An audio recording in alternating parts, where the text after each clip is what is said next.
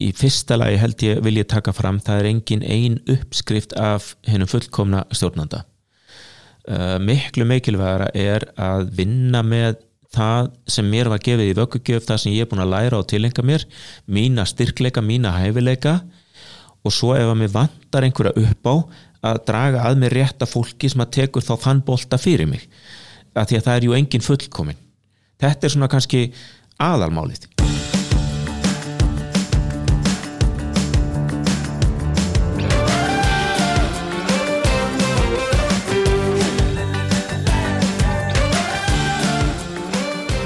Komið í sæl og verið velkomin í hlaðvarpiðina fræðslusetturs augnabliki einaði.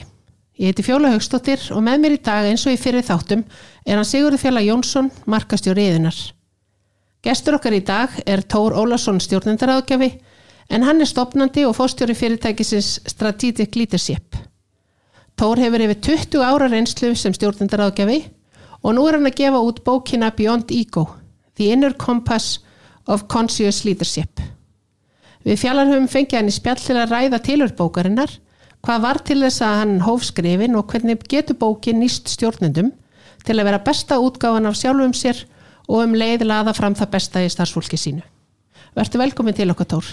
Ég takk einnilega fyrir að hafa mig Um, nú ertu búin að starfa út um allan heim við stjórnenda ráðgjöf getur sagt okkur aðeins frá því hvernig þetta byrjaði alls saman Já, uh, ég byrjaði hérna á Íslandi með uh, námskeið hjá Dale Carnegie og kolfjall fyrir því konsepti og, og fannst var, var í tíu ár í, í Dale Carnegie sem þjálfari og, og eigandi og hérna fyrst á Íslandi og svo opnum við, semst fengum leifið fyrir Þískaland og ég var þar uh, í mörg ár líka. En síðan svona fann ég að, að mína leiði lágu annað og ég ákvað árið 2009 að stopna Strategic Leadership sem er mitt eigið fyrirtæki. Og uh, það er starfandi núna í Tískalandi og Englandi og hér á Íslandi. En við förum með viðskiptafunum okkar um allan heim og, og erum búin að vera að starfa í tæmlega 50 löndum fyrir okkar viðskiptafunni svona stuttu átgáðan félagar Já, að þessu. Já, já. E, Helstu viðskipta vinir, erum við að tala um stór fyrirtæki, lítil fyrirtæki? Já, við erum eh, hérna inn í stórum fyrirtækjum en vinnum oft fyrir svona eh, minni einingar hjá þeim. Það geta þá verið einingar sem eru með allt frá bara 50 upp í 200-300 starfsmenn en kúnarnir okkar eru til dæmis BMW framleyslu fyrirtækið á bílum og Continental sem að framleiða býra vara hluti og, og dekk og annað og, og þetta eru svona klassísk framleiðslu fyrirtæki BMW með yfir 130.000 starfsmenn og Continental með vel yfir 200.000 þannig að mann finnst þetta ógnarstórt en við vinnum með svona minni einingum hjá þeim. Uh, við erum líka inn í Livjageranum og inn í fjármála þjónustu geranum og ef maður svona horfir bæði á framleiðslu fyrirtækin og Livjageran gríðarlega breytingar sem er að eiga sér stað uh, um allan heim krefjandi starfsumkörfi, krefjandi umkörfi fyrir stjórnendur og, og alltaf góð sem tíð þá fyrir stjórnendaþjálfar eins og okkur Það er gott að heyra það. Er einhver munur, sérstaklega munur sem þið finnið á íslenskum og, og, og erlendum stjórnendum? Já og nei sko ég hef verið að taka stökuverkefni á Íslandi og þannig að ég hef töluverða einsýn í íslenska stjórnendur að minnskosti undarfærin ár, ég var lengi vel úti og, og kom ekkert hinga heima að vinna. Um, Íslenskir stjórnendur eru mjög spontant. Þeir eru fljótir að bregðast við kringustæðum sem er kannski í eðli okkar. Þetta rettast, kýlum á þetta það tekinn törn og þjóðverðar eiga oft ekki orð. Hvað, til þess að við tek þá sem dæmi hvað við náum að áorka miklu á stöttum tíma. Já. og eru pínu öfundsjúkir. Hérna á móti kemur síðan að þeim blöskrar hversu lítið við plönum fram í tíman og hversu svona já við erum ekki kannski sterkust í að plana langt fram í tíman og fylgja planinu og, og svona öguð vinnubröð og ég er nú grínast átt með að mér finnst svona draumastjórnandinn er hálfur íslendingur og hálfur þjóðuri það væri nokkuð góð blanda. Já, þeir þurfa drefkraftin okkar og, og, og, og svona þessa þennan sveigjanleika. Já, og við þurfum þeirra skipula algjörlega. Hvers konar verkefni eru það að vinna að? Með, með fyrirtæki, hvað er það? Er svona það helsta sem að fyrirtækin er að byggja ykkur að koma að þegar þau Já, sko, það er, það er ansi breið flóra en ég held að það falli allt undir þennan hatt að vera við erum að vinna við að þjálfa stjórnendur hjá BMF ef við tökum þá sem dæmi þá erum við ábyrg fyrir uh, allri þjálfun nýra stjórnenda. Að þú stígur inn í fyrsta skipta á æfinni inn í stjórnendalutverk að þá ferði gegnum okkar hendur um allan heim. Og þetta eru á hverju ári 500 nýjir þannig að þetta er, svona, þetta er svo stórt það er nokkuð stór tala. Já, og við erum með þetta í hópum sem eru svona 16 til 18 þannig að það er ansi margir hópar og eins og ég segja allstaðar í heiminum. En, en þar til dæmis eh, notum við ímislegt í minni fyrirtækjum sem að þessi nýju stjórnundur í stórum fyrirtækjum þurfa að læra. Þannig að, að það er ekki eitthvað sem segir að allt sem stóru fyrirtækin sé að gera sé ekki að það nýti í minni fyrirtæki. Já, já, já, En þetta er eitt, þjálfa nýja stjórnendur. Svo erum við ofta að hjálpa stjórnendum að, að því að fyrirtæki okkar heitir jú strategic leadership sem mætti tíða sem stefnu með stjórnun eða leiðtóun að hjálpa stjórnendum að segja, heyrðu, hvert erum við að fara? Hver er strategían til að komast þangað? Og hvernig ætlum við að innlega það þurfum við að breyta vinnubröðum þurfum við að breyta skipulagi? Þurfum við að breyta kannski pínu stjórnendastílnum og þetta er oft skemmtilegustu verkefnin. Og ef ég fæ svona aðeins að segja frá því við, við stegum inn í verkefnin fyrir BMF í Breitlandi þegar eiga míniversmiðunar sem að smíða mínibílana. Já, já. Og 2014 eru við að greina hérna stöðuna hjá þeim og hún er þannig að þeir eru ekki að ná að framlega alla bíla sem eru pantaðir. Þeir eru ekki að ná að framlega þá í réttu gæðunum og þeir eru ekki að ná að framlega þá innan þeirra kostnaðar marka sem að, að í rauninni BMF þurfti til þess að hagnaðurinn væri ásættanlegur. Og þeir eru rauninni bara alveg í hræðilegum málum. Og við fengum að fara aðeins með þeim og, og ásamt fleiri aðilum, við vorum ekkit eina verki en við erum ennþá þar. Við erum ekki búin að hætta í einn mánuð í rauninni að þjálfa stjórnundur já ok. Þeir fóru úr því að vera versta verksmiðan í, í eh, BMF á margar um allan heim. Yfir að vera í fyrsta, öðru eða þriðasæti eftir í hvaða mæli hvar það var hort á án þess að fá neina, neitt fjármagn til þess að endur nýja tækjakost eða, eða húsakost eða slíkt. Þetta var hugafarsbreyting og stjórnunarlega breyting uh, sem að gessanlega breyti bara fyrirtekinu já, þetta er náttúrulega skemmtilegustu verkefni. Já, það lítur að vera. Já, sjá þetta gerast og, og, hérna, og eins og segir ekki, ekki neitt fjár, auka fjármagn sem er að koma að inn. Nei akkurat enda, enda erum við núna komin að vinna með öðrum versmiðum sem segja, herðu, hvað gerði það hann í Oxford? Getum við, já, getum við ekki lært af þeim? Sem er bara hefði besta mál sko. Já.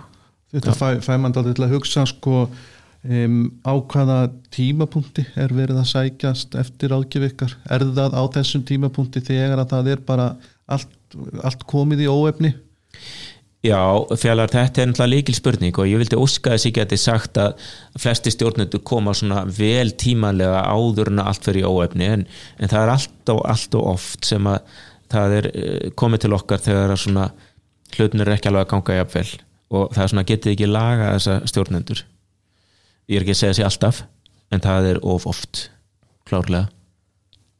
Þarna í þessu tilfelli í Oxford var staðan orðin slæm. Já, einmitt þannig að það, það var alveg hægt að laga þú veist, það er svo oft sagt sko, já, það þarf þá að skipta út fólki. Já, já, sko það og það þarf að vera begja blands. Já. uh, það er ekki nöðsynlegt alltaf að skipta út fólki. En það er ekki ólíklegt að einhverjir svona vilji bara fara. Já, já, en hérna já, ég held að, að sko, við erum kannski þannig mannveran að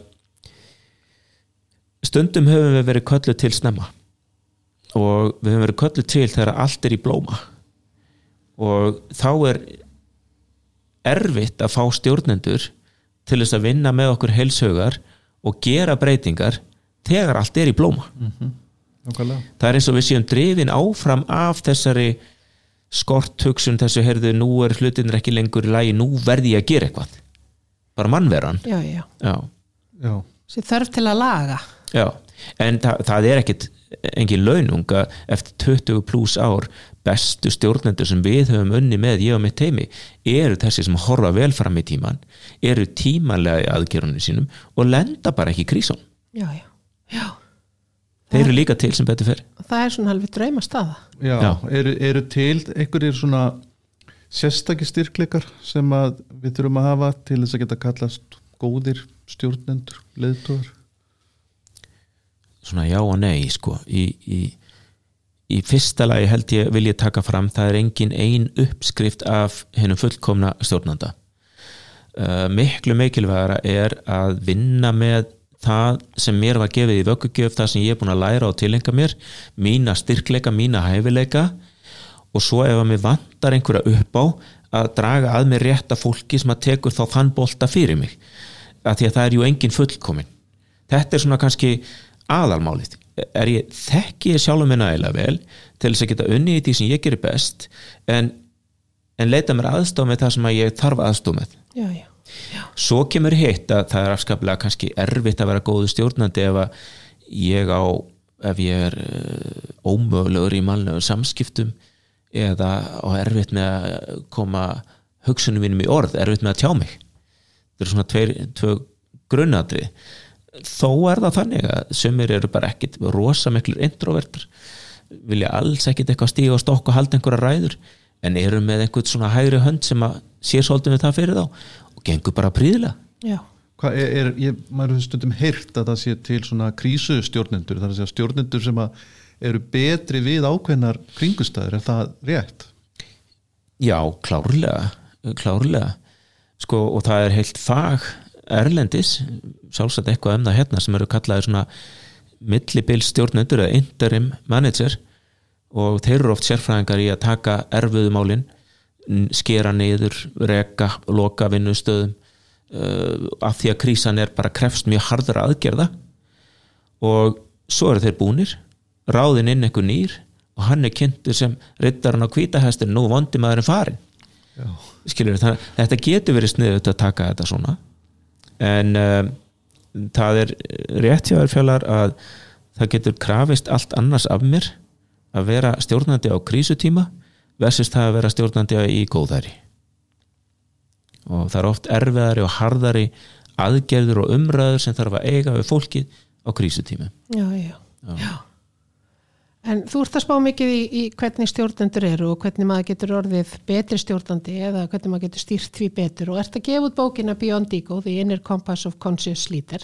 Já, og hérna, getur sagt okkur aðeins um bókina, hver er rauði þráðurinn og, og, og svona, hver er kvatin að því að þú byrjar að skrifa? Já, kannski byrja þar, hver er kvatin svona, svona forsaðan að hérna það er nú þannig að ég byrja semst að kenna hreina færni mikið í að kenna kynningatækni samningatækni tækni í mannlegum samskiptum og svo eftir því sem að vinn meira með stjórnendum og nánar og yfir lengri tíma þá fannst mér alltaf eitthvað vanta. Mér fannst vanta dýft í það sem ég var að gera. Í sömum tilfellum sá ég jafnvel færnina sem ég hefði kent þeim nota það ekki á endilega góðan eða fallegan hátt svona pínu, hvað heitir að manipulation á, á íslensku? Að manipulera fólki kringu sig. Og svo erum við náttúrulega kafi stefnumótun við heitum strategic leadership og uh, hérna ég, ég semst siti í vinnustofu og, og fæ svona huljómun ég sé fólki vera að vinna í mismundi svona litlum hópum og það er eiginlega alveg augljóst að þarna voru tveir sem voru að, búin að rotta sér saman að verja sínsvið ef að fólk skildi nú í nýju stefninu fara alltaf að gera einhverja atlögu að þeim. Það var svona, heyrðu, ég er að passa upp á mitt. Og, og svo var einhver annar í hópin og hann var greinlega í stórsókn. Hann ætlaði þessi stóra hluti í stefnunni sölsa undir sig jafnvel önnur svið. Og, og það var eiginlega bara að höggva hnútin og nefna þetta við gerðum það yfir kvöldmatnum að það var engin að virkilega vinna heilsugar að því hvað er best fyrir fyrirtækið. Það var verið að setja í forgang hvað er best fyrir mig Já, já, og mitt fólk. Varnar viðbröðin varna viðbröðin, verja mig og mitt fólk mitt síló. Og hérna og þá náttúrulega kemst ekkert lönd nýja strönd að, að vinna fyrir hag fyrirtækins, fyrir heildarinnar ef allir hún í skotgrónum og ég fer að stúdera þetta, ég fer að kafa dýbra í svona mannlegt eðli sæki námskeið út um allan heim og, og hérna átta mig á því að auðvitað er það þannig að við erum öll með ego og við getum öll hrokkið í vörn. Og sömur eru sérlega góður í að íta á takkana hjá okkur og, og setja okkur í vörn og, og, við erum öðuldar með aðra. Og að þessi varnaviðbröð sem við erum öll með þau taka sér mismöndi byrtingamindir uh, það er ekki alltaf að egoistin verði eitthvað aggressífur eða hávar.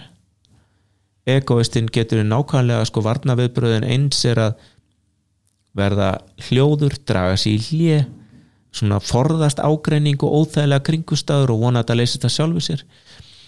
Næsti er svona kemur sér í mjúkin, mikill pólitíkus uh, kemur sér á í mjúkin hjá áhrifamöklu fólki í þeirri vona það verjan þegar hlutinni verða erfiðir. Já. og svo framvegis, einn ein verður síðan aggressífur. Og við erum í rauninni, ég í þessari bók að, að vekja okkur lesandan til umvöksunar um það að við, mannveran, erum öll með ego. Og þegar að okkur finnst ráðist á það þá fer það í vörn. Og ef ég er ekki meðvitaður um viðbröð mín, hversu mikið ég fór í vörn þá get ég verið að hafa mjög svona stuðandi áhrif á fólki í kringum mig og jafnvel að tryggjara þeirra eigin varna viðbröð já, já, og þá er samtalið á millakar orðið styrt, samvinnan orðið lítil sem engin, allir orðið svona pínu varir um sig og þannig að það hefur mikil áhrif. Já, tökum bara sem dæmi hérna eitt, tvö dæmi sem ég held að allir skilji. Tökum framleiðslu fyrirtæki þar sem að fólk er búið að vinna lengi í að framleiða vöruna og það kemur nýr frangandastýri við framleiðslu sviðinu. Og gefum okkur hans í verkfræðingur og hann er meira saman doktorskráð það er mjög algengt í Tískalandi og hann er pínu órugur að því að allir hinn eru búin að vera rosa lengi og hann er nýr en hann er yfirmaður þeirra. Hann hefur alltaf náð að verja sig og sín mál með því að sækja sér upplýsingar sanga að sér upplýsingum fyrir að gera kröfu um allskinn skogn uh, sekku sér yfir þau yfirherri mönn á fundum. Ef að gögnin stem ekki, ef hann finnur villur þá fá menn heldur betur að finna það. Hvað fara þeir að gera? þeir fara að skipa sínu fólki að undirbúa gögnin enn betur. Það verða til svona faldar verksmiður að búa til einhver gögn fyrir þessa fundi sem að í rauninni þurfti ekkit á að halda. En af því að þeir voru aðeins orðinir hrættir við nýja doktorin í verkfræðinni þá betra að vera safe með því að hafa aðeins og mikið heldur en aðeins og lítið að gögnum. Og við erum bara búin að búa til fullt af vinnu fyrir fólk sem skilar akkurat engu virði af því að það var ótt að dreifin stjórnun. Ég skil þig. Þannig að þarna stuðar nýji yfirmaðurinn ekoviðbröðin hjá hinnum og það er ekkert sálfræðilegt öryggi í þessu starfsumkörfi og betra að vera safe vopna sem öllu sem hægt er og, og hérna þetta er ræðilegt söndum að, að sjá þetta. Já, já, ég trúi því. Hver- hvernig, hvernig myndir þú segja að veri hægt að, að hafa áhrif á, á eða bara stjórna ekóhunu sínu betur? Ég sko fyrsta lagi er nú bara eins og held ég með allt svona er, að, er, er ég að sjá það í sjálfum mér og viðkjöna hjá sjálfum mér að ég sé með eitthvað. Sko uh, sömur hérna á Íslandi hafa tekið Gallup Strength Finder sem er svona styrkleika próf og þar er ég til dæmis með learner nummer eitt, mér finnst mjög gaman að læra. Uh, ég er með uh, strategic, ég vil svona pæla leiðina að áfanganum og vera kannski með helst með leið A, B, C og D ef eitthvað skildur nú koma upp á. Já, og svo er ég með maximizer þar að segja ég vil gera allt aðeins betur í dag heldur en ég gerði í gær. Og úr þessum frábæra höfuleikum getur orðið pínu svona ego-varnar lúpa ég læri eitthvað nýtt í gegnum lörnur, ég er að lesa einhverja grein. Ú, þetta er sniðut, ég ætla að setja þetta inn í strateginu minna, uppfæra hana aðeins maximizerinn kikkar inn. Og ég fer til starfsfólks og herði, ég er búin að uppfæra þetta, ég er búin að breyta þess aðeins. Ok, ok, hérna á, þetta án á öðruvísi í síðasta mánuði en við látum það slæta. Svo kem ég bara lesa aðra grein, uppfæri og kem til þeirra. Og ef ég ger þetta of oft, ef ég er of mikið í þessu munstri sem að þau sögðu mér á tíumpili að ég væri þá ruggla ég þau í rýmina ég er alltaf með nýja og nýja hugmynd og nýja og nýja nálgun. Og ég þurfti að fá að heyra það frá þeim og horfast í, í horfa í speilin og við ekki að já, þetta er sennilega rétt sér ok, þetta er vani þetta er mín varnaverubu til þess að halda fyrirtækinu örugu til þess að halda því áfram í vexti er ég hugsanlega ofgera því? Og að því allt er gott í hófi. Já, já, já og þannig að við erum með svona núvitundaræfingar. Ok, mjög bara einfalt. Við byrjum á því að svona tengjast líkamannum, tengjast sjálfum okkur í gegnum andadrátt skönnum líkamann og finna svona hvernig er ég stemdur, er, er spenna í mér? Uh, og ef við getum æft okkur í þessu þá sit ég kannski inn á fundi. Ég finna fundurinn er að verða pínu stressaður, það, það er kannski orðin pínu æsingur, einhverju komnir í vörn. Uh, áður fyrir hefði ég hrokkið í sama gýr og orðið aggressíður en með þessum vitundaræfingum svona stemmi ég mig af tek tvo þrjá andadrætti og hugsa hvað þurfa að funda menn frá mér núna? Ok. Og þannig að ég fer ekki í automatísku viðbröðin heldur get ekki, þess vegna heitir þetta conscious leadership, meðvituð leðtóðun, ég get ekki miklu meðvitaðar ákvörðun. Og mér finnst rosa gaman ef ég má skjóta einni stuttur í sögu að e, þegar vorum að hjálpa míniversmiðunum í, í, í Breitlandi þá var það er svona stóttuversmiða sem að framleiði svona e, parta í mínibílana úr málmi og þeir eru síðan fluttur upp til Oxford og þeir eru á færibandunum eru þeir skemmtir og það er mikið reyfrild í gangi 10-12 manns á fundunum um það hvort að þeir hafi skemst í upphæluversmiðni eða í flutningum á milliversmiða eða í meðhandlun á, á, í samsetningunni. Já, já, og þeir komast að engu, engu samkomulagi og þeir eru fannir að hrópa bara nota ekki falleg orð og, og, og hækka rómin og, og allt þetta. Og eitt er að réttur upp hand og segir herra mínir, má ég spyrja einna spurningar? Hversu margir hérna eru búinir að fara í gegnum stjórnenda þjálfunina og, og þeir verða pínu svona fyrtir og byrju hvað kemur það málunum við. Og hann segir hérna jú, sko bara getið rétt upp hönd og þeir rétt allir upp hönd hann viss alveg að vera allir búinir að fara. Hann vildi bara að þeir væri með.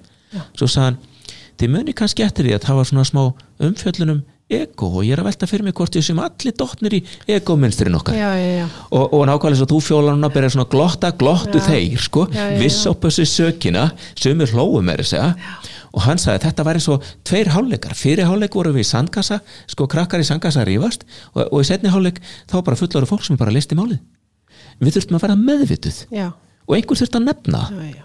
sem að gera snilda vel sem öður það er bara það, þarna þarf að ríkja líka tröst á milli fólks og, og hérna, en, en gott að það sé hægt að leysa svona að því að við erum að spá í líka sko hvernig sköpum við hérna, hver er rauninni ávinningurinn að því að skapa fyrirtækjabenningu sem að einmitt hérna dregur úr þessu egoi Já, sko þetta er, þetta er eiginlega bara þarna við að komast að kjarnanum og, og virðinu fyrir stjórnendur og eigendur fyrirtækja. Um, Ímyndum okkur að við séum í meðalstóru svona yðnar eða framlæstu fyrirtæki og forstjórin og, og svona sviðstjórar eru með aðeins of mikið svona skipanir og ógnarstjórn. Ekkert eitthvað fáránlega mikið en fólk er svona aðeins vart um sig stundum erstu tekin á teppið og skammaður svolítið, það getur gerst að það sé fyrir framann aðra, þá líður þau náttúrulega ræðilega og ef við gefum þessu og látum þetta rúlla kannski einhver 2, 3, 4, 5 ár þá verður fólk vart um sig. Það er fyrsta skrefið. Til þess að fá ekki skammir fyrir framann aðra eða vera tekin á teppið þá ferður svona að halda að þér höndunum og þér bara því sem er svona tín kjarnaverkefni, tín kjarnaskilda og tegir það ekkit út fyrir það hvað gerist? Jú, ég embeddi mér að mínu þú embeddi þér að tínu, fjalar að sínu og við gefum okkur minna minni tíma í að tala saman um hvort að samstarfa á milli sviðan okkar sé nægilega gott hvort að verkferðlar flæði nógu vel að því að ég bara vil sjá um mitt þú sér þinn þitt, enginn vil gera mistökin að tegja sig á milli sviða og þá er samtalorði minna samstarforði minna hugmyndir að því hvernig sé hægt að leysa heldarvanda fyrirtækisins þeim hefur fækkað og það ásist að bara sílómenning og stöðnun. Allt saman að því að var aðeins of mikið ego í stjórnunni Já, þetta hefur semst gríðarlega áhrif. Það hefur gríðarlega áhrif. Heldur betur. Já, ég er með smá, ég er bara svona pæling hérna sem er dettur í, í hug þegar þú segir þetta að nú erum við búin að ganga í gegnum þessi skrítna tíma bara, og væntalega hafa þetta verið allir skrítni tíma þetta COVID-ástand í stjórnun fyrirtækja Já. er þegar að stjórnun fer kannski öðruvísi fram heldur en að hefbundnum fundum þar sem við bara Mm. erum fysiskt á staðinum heldur gegnum netið og Teams og Zoom og annað slíkt hefur það veist, hefur það, hefur það eitthvað sérstök áhrif á þess að, þú veist, er auðveldara að veist, er, er ego við beira áberandi þegar þú ert bara hérna beintinu með mig heldur en ef við, við séum að tala saman í tölvunni? Hefur, hefur þessi, hafa þessi tímar haft eitthvað áhrif á Já, þetta eru náttúrulega, ég, ég, ég spái því nú að á næstu svona 10-15 árum munum við sjá mikið af uh, sko alalýsu á COVID-árun frá sálfræðingum, félagsfræðingum og, og, og svona allskins uh, félagsvísinda fólki vegna þess að þetta er bara heilmikið uh, efni til að stúdera. Heilt yfir kemur það óvart um, teimi út um allan heim stóðu þessi betur heldur en stjórnendur áttu von á. Af hverju? að því við stóðum öll fyrir framann sama vanda og fólk sá tilgangi að standa sig. Það var að verja starfið sitt það var að reyna að passa upp á fyrirtæki kemist nú í gegnum erfiða tíma. Það var svo mikil óvisa að allir höfðu kvata af því að, leggja sig hart fram. Nú þú varst að gera það heima frá þér. Ef, ef þú varst í þannig starfi og gast unnið í gegnum tölvu þá varstu bara sagt að vera heima og vinna það þannig að það var þessi tilgangur að verða gagni og hjálpa til. Svo náttúrulega stjórnendur sagði, hörðu, ég séðu ekki þannig skrifstofunni, hvað á ég að gera? Það var mjög algengt að eru daglegi fundir sem voru haldnir, stuttir kannski 15-20 minna fundir í byrjun hvers einasta dags. Já, já, hvernig stuð það? Já, það var bara frábær bót fyrir marga. Miklu betra upplýsingaflæði fólk var bara fór inn í daginn vitandi alveg hvað var í gangi. Og hérna og já, ég held að að svona þetta laðaði fram það besta í almennum starfsmönnum í í mörgum greinum. Ég get ekkit alhæft en hjá okkar kúnum og eins og ég sagði við erum, við erum búin að vera í gríðarlega mörgum löndum að vinna. Uh, eiga flesti stjórnendur það eru sammálum það að þetta hefði gengið betur en áttu von á. Já, ok, ég er bara, já, spennandi. Hérna, hvað með eh, sko teimi, því við nú erum að tala um fundi og annars slíkt, er eitthvað er eitthvað sem einkennir góð teimi? Já, sko það er til frábær rannsókn sem að Google lét gera og settu nokkur ári að stúdera það, fylgdust með 180 teimum um, ég held að hún gildi fyrir sko, teimi í öllum atvinnugreinum. Fyrsta sem að þeir sett á lista er uh, teimi þar sem að þú mátt segja þína skoðun án þess að vera dæmdur semst, sálfræðilegt öryggi er til staðar. Já, það má vera ósamála með þess að yfirmanni sínum. Það má koma með óvennilegar hugmyndir á þess að vera dæmdur. Það má byggja um aðstóð, það má viðkynna mistök á þess að vera hend út. Þessi teimi mynda smám saman svona kemistri þar sem að herðu, við stöndum saman, þú ert ekki fullkomin frekar en ég, við erum öll með galla en við erum líka með kosti. Já, og ef við bara hættum í félulegnum og komum til dyrun eins og við erum klætt þá vinnum við miklu betur saman. Þetta er svona aðalmálið það er heilmikið mála að byggja þetta upp þannig að allir þóri að vera besta útgáðan af sjálfum sér. Er þetta stjórnenda sagt, er það, er það þá stjórnandin sem verður að bara búa til þennan kultúr í fyrirtækinu? já það er, það er bara heilmikil stúdía. Hva, hvað þarf ég að gera? Já, og hérna til dæmis ef að, ef að ég vil að fólk þóri að viðkenna mistök og byggja um aðstóð og, og, og segjast ekki vera gott í einhverju þetta er ekki mitt, ég er ekki sérlega góður í þessu þá þurfum við kannski að byrja á að vera fyrst til stjórnendunir að gera það. Já, ég, ég er að vinna með frábærum stjórnanda sem að leiðir núna play flöfélagið, hann Birgir Jónsson sem var á postinum hann er manna fyrstur að segja ég er bara glataðar í þessu, hver getur hjálp með með þetta? Já, hann er líka frábær í mörgu öðru og einbytti sér að því. Já, já. en það er ekkit femnismál nei, nei. Ég hef sett að byggja upp sko bara þetta tröst Já, ég að geta sagt og, Já. og bara líka við, við vegum hvort annað upp. Já, við, vegum, og við verðum að treysta að við vegum hvort annað já, upp. já, og þú veist, við tökum bara íslenska landsliði í, í handbolta eða fótbolta. Kalla eða kvenna. Við eigum eitthvað súperstjörnur en við höfum á frábærum árangri já, á, á alheims vettvangi af því að við sko erum svo þétt stöndum svo saman. Já, það er alveg eins í, í rekstri fyrirtækja fæ ég þetta bræðralag, systralag fæ ég þessa stemningu þar sem erum tilbúin að leggja harta á okkur til þess að bakka hvort annað upp.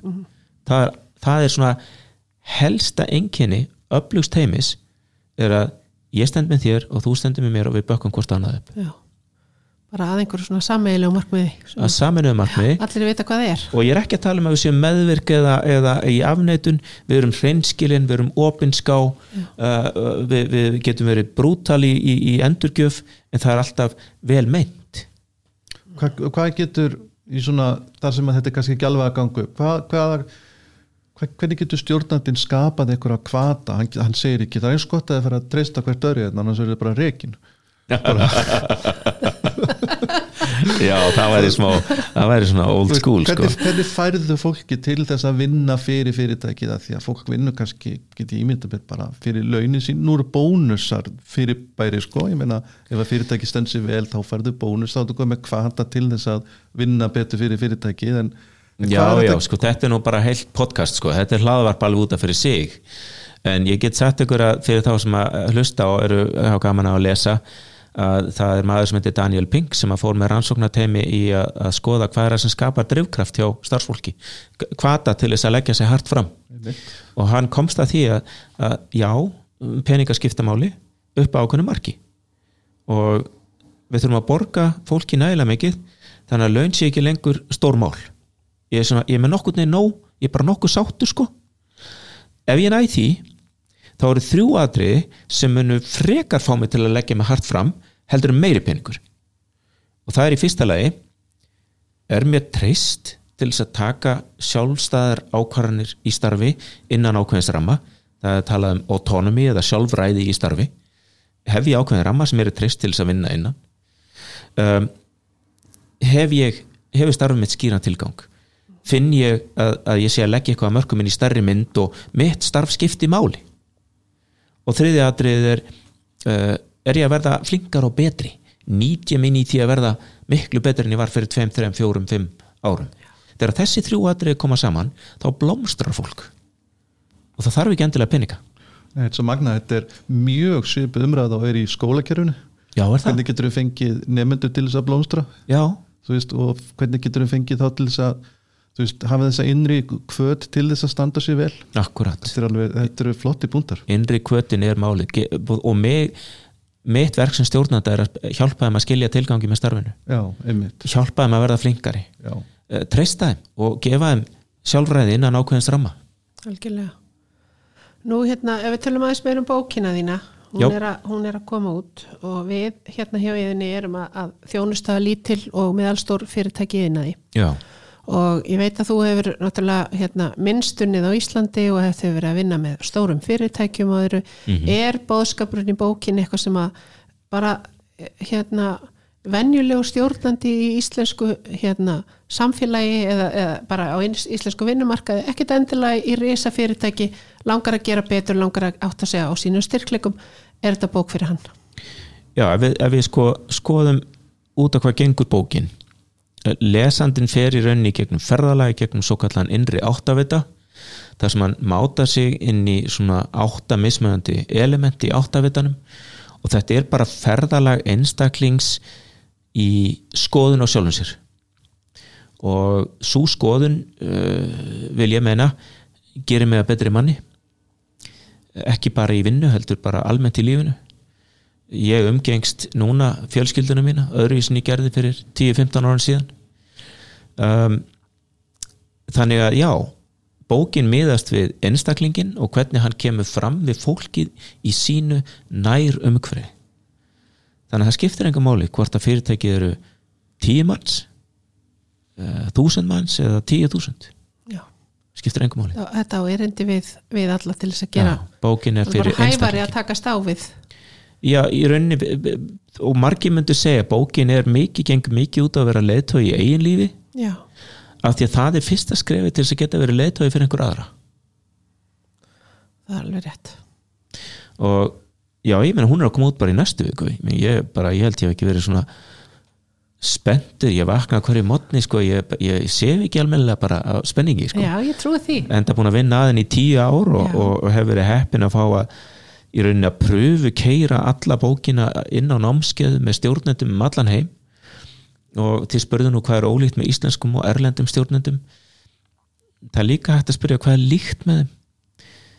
Það skiptir engum máli hvort ég hef verið í Kína eða Brasili eða Suður Afriku eða Pólandi uh, það er allir að reyna að standa sig til þess að geta séð fyrir fjölskyldinni til þess að geta þá langar til þess að vaksa og þroskast og, og eflast í starfi fólk hefur metnað í öllum löndum það hefur þarfir eh, lífs tekju þarfir í öllum löndum. Við erum eiginlega óbúslega svipuð. Þetta er svona svipaða þarfir. Já, heldur betur. Það er, eh, hún er rétt ókomin út þessi bók og hún verður það er þetta nálgast hana frítt í einhver tíma? Já sko við ætlum að nýta okkur þennan möguleika að uh, hún verður frítt á í þessu kindilsformi eða rafræna formi og pappirs þá sem að vilja bara fá pappirsbókina að hún verður á ekstra láguverði ástæðan er svo að hún er bókinni raunverulega hluti af sko svona uh, hálgjöru góðgerastarfsemi við hjá mínu fyrirtæki brennum fyrir að hjálpa stjórnendum um allan heim að átt að sjá ekoministri sínu og starffólks síns. Og bókin er bara að prómotara þetta uh, góðgerastarf hjá okkur að við ætlum að gefa hana og vona sem flesti nýti sér tækifærið. Að bara hlani niður. Já, 12. til 14. mæ Já, hún er í 72 klukktíma er hún uh, semst, ókeppis á kindilforminu þessu rárunaformi mér skilst að sé til löst hérna, fyrir þá sem ekki eiga kindil já, einmitt, sækja bara Kindle appið á, á iPadin eða Android spjáltölvuna eða síman eða að það er og þá er þetta að hala niður bókinni á hvaða apparat sem er. Já, og þarf ekki að vera kindil það er ekki að vera Kindle Nei, Eh, eru líka með e, vefsíðu. Be- beyondego.com sagt okkur eins frá henni? Já, hún er í rauninni sko heimili þessa, uh, þessara góðgjörastar sem við köllum þetta not for profit. Þetta er, þetta er ekki rekið í hagnaðaskinni um, þarna erum við að búa til þekkingar samfélag stjórnenda markþjálfa, félagsvísinda fólks, við erum búin að vera að taka viðtöl við sálfræðinga, ég er semst með hlaðvarp þar eh, sálfræðinga, stjórnendur markþjálfa, fólk í uh, í forsvari fyrir semst, hvað heitir þetta, theology uh, að stúdera trúabrögð sem er raunin ekkert annað lífsbeki og hérna eh, alltaf á þetta sammeðilegt að við viljum komast upp úr þessu egominstri sem að allir eru með og kíkja hvað er handan þess beyond ego, hvað er handan egosins Já. og þá finnum við yfirleitt bestu útgáðan að sjálfum okkur þegar við erum ekki lengur í vörninu sem er egoðu tryggarar. Þannig að við þurfum að vera svolítið berskjöldu samt og þóra að fara þess að vegferð. Já, er, það er alveg svolítið skrefað að fara að, fara að skoða sjálfan sig að því að erum við Íslendingar eitthvað eh, vanir því? ég held að Íslendinga séu hvorki vanari niður óvanari því en aðrir. Já, við mann fólkið erum ekki vönni. Við gerum of lítið af því. Já, og fyrir vikið eru margir stjórnundir kannski að meðum aldrei uh, ég man nú eftir einum hérna fórstjóra í, í, í, í þekktu fyrirtæki í Bretlandi. Hann sagði ég hef bara aldrei farið aðra en sjálfskoðun á æfumni hann er 49 ára gamall. Já, hann var samt bara í nokkra daga með okkur.